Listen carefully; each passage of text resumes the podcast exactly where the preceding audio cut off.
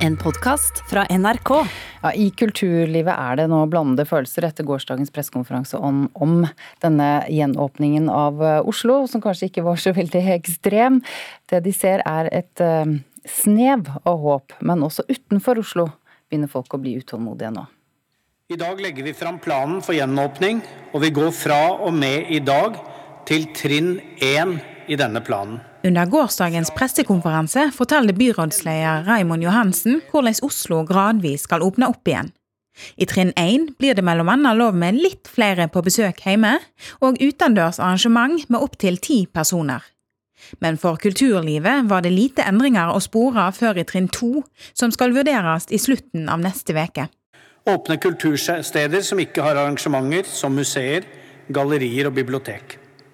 Tillate forestillinger og lignende i skoletida for barn og unge på kulturinstitusjoner. Noe er vi veldig glad for. Vi er glad for at vi får lov å ta inn skoleelever eh, etter hvert her. Eh, det tenker jeg er viktig både for dem og for oss. Vi er glad for å kunne avvikle det vi har av utendørsforestillinger for inntil ti personer av gangen. Så Det gleder vi oss over og tenker at det er et skritt i riktig retning. Det sier teatersjef Erik Ulfsby ved Det Norske Teatret. Og så er nok både vi og, og store deler av kulturlivet fortsatt eh, både litt skuffa og litt overraska over hvor langt ned på, på, listen vi kommer. Nå kommer vi jo igjen i en situasjon hvor vi jeg kan ha ti personer hjemme på kjøkkenet mitt, men jeg kan ikke ta de samme ti personene ned i et hundre ganger så stort og veldig godt ventilert lokale som Hovedscenen på Det Norske Teatret.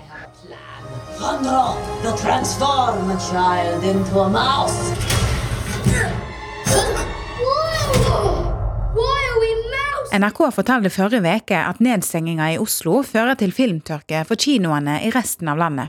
For når filmer ikke kan vises i Oslo, er det for mye penger å tape på å vise de andre steder.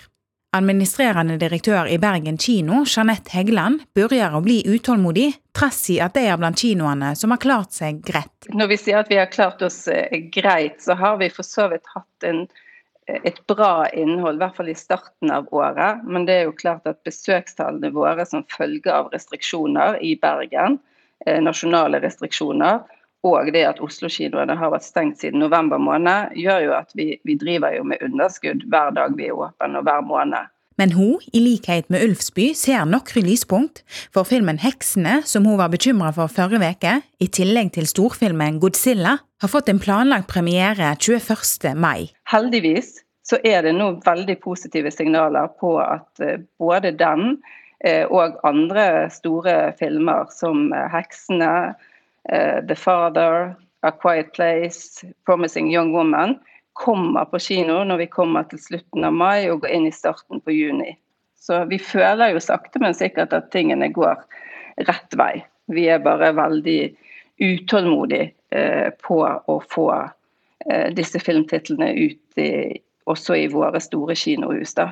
Og det, det, er faktisk kritisk for oss at vi får, eh, får filmtitler som publikum har lyst til å se. Utålmodighet der, reporter eh, Ida Yasin Andersen. Agnes Moxnes, kulturkommentator i NRK. Kulturlivet i Oslo har hatt låsen på så å si uten unntak siden november i fjor. Ble du overrasket over at det ikke kom en gjenåpning allerede nå, i går? Nei, Det ville vært veldig overraskende hvis eh, kulturlivet skulle åpne i trinn én eller to i, i, Oslo. Eh, alt det vi har lært i løpet av det året som har gått, tilsier vel det motsatte, at de må vente. Nå har eh, de største delen av kulturlivet, da, teater, og opera og kino og sånt, har vært nedstengt i seks måneder, og må vel regne med at det iallfall blir syv måneder før de får åpnet. Hvorfor har det vært viktig for myndighetene å holde kino stengt, teatret stengt og konsertlokaler? Nei, Det er jo egentlig et spørsmål vi ikke har fått ordentlig svar på. Eh, det som sies er jo at mobiliteten i samfunnet må holdes nede, men det er ingen som svarer på hvorfor forholdsvis trygge arenaer som kirke, kino og teater skal sikre denne lave mobiliteten, mens kjøpesentre og f.eks. en uteservering i, i Ålesund skal nyte godt av økt eh, mobilitet. Og jeg vil jo tro at i bunnen her så ligger det at det er økonomien som, som bestemmer dette. For som vi hørte teatersjefen si, altså der sitter de godt ventilerte lokaler på faste plasser. Eh, kommer kulturlivet i andre rekke? Ja, altså det har jo vært interessant å lese deler av denne koronakommisjonen, som jo er kritiske til helsemyndighetene, både fordi de ikke har forberedt seg når det gjelder liksom da, eh, beredskap og, og smittevernutstyr osv. Men de, også et, altså, de kritiserer også myndighetene for at de ikke har stilt seg spørsmål av typen hvilken, hva betyr det for et samfunn å bli nedstengt?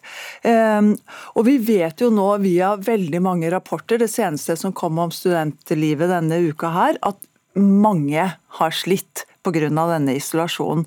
Og Da må man jo bare stille seg spørsmålet da, hvorfor var ikke det med i beregningene da Norge stengte ned?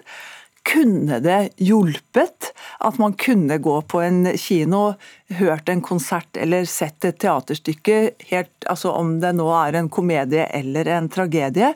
Og kunne disse store nasjonale institusjonene spilt en mye mer aktiv rolle under pandemien?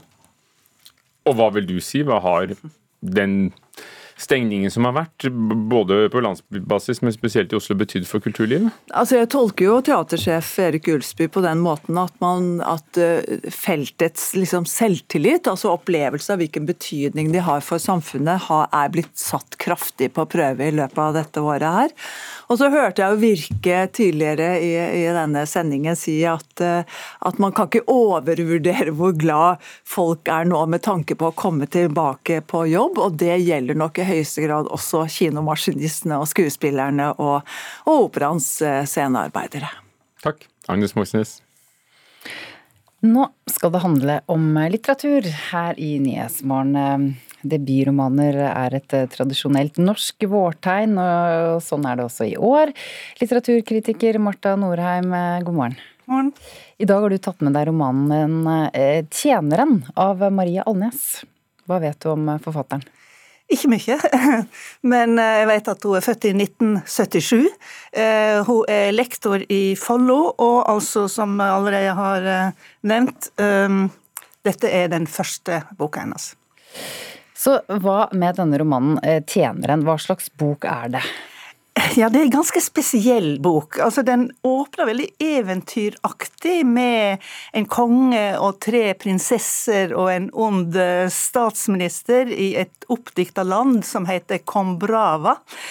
Um, men det er likevel ikke fantasy eller eventyr, for handlinga er helt realistisk. Um, uten sjumilsstøvler og ringer og og snakkende ravner osv. Så, videre. Um, så det er liksom um, både ei historie uh, om uh, helt realistiske ting, makt, maktovergrep. Uh, handler om endeløse grensekriger, overgrep mot kvinner osv.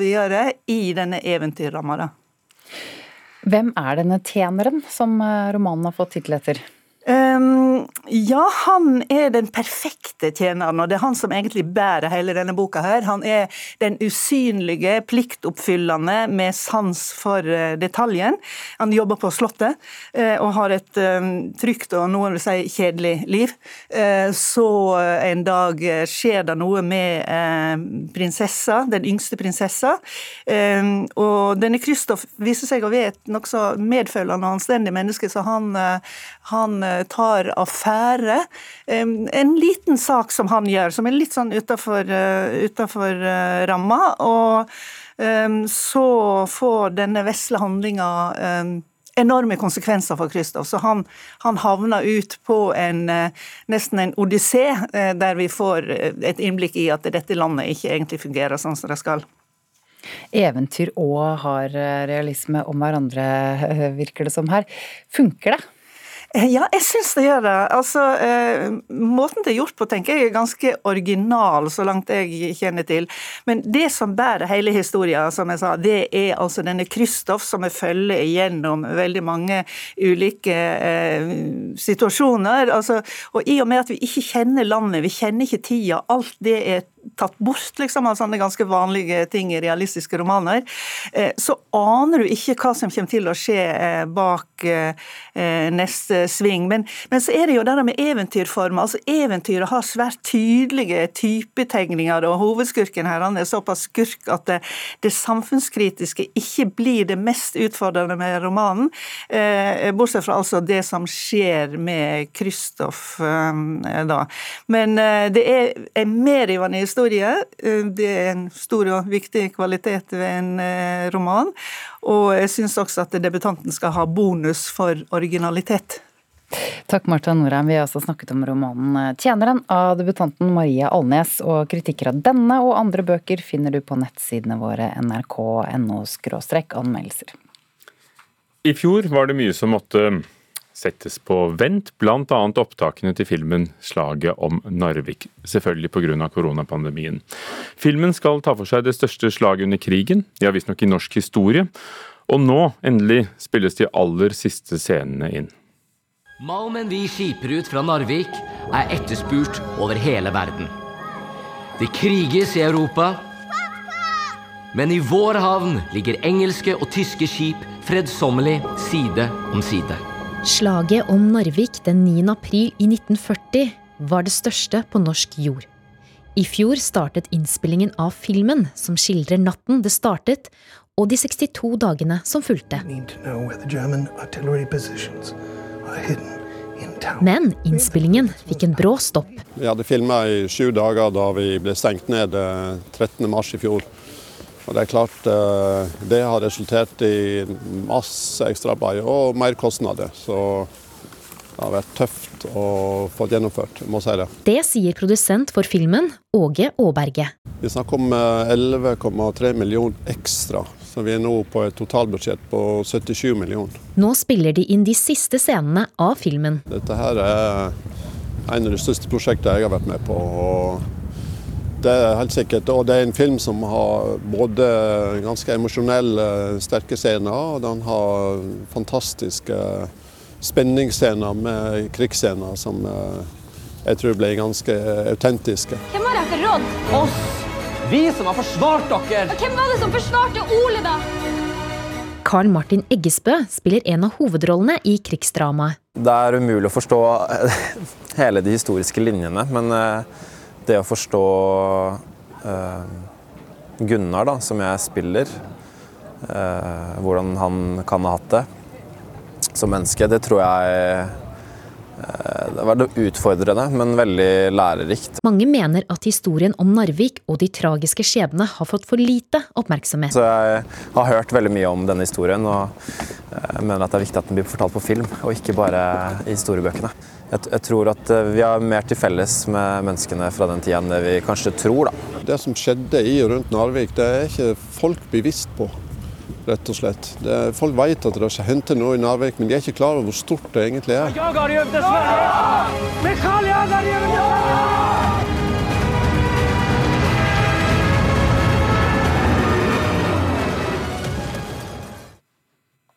Sånn er det når de spiller inn de siste scenene til slaget om Narvik. Filmen får premiere første juledag 25.12. Reportere var Frida Brembo og Linda Marie Fedler, som vi hørte fortelle historien. Du har hørt en podkast fra NRK.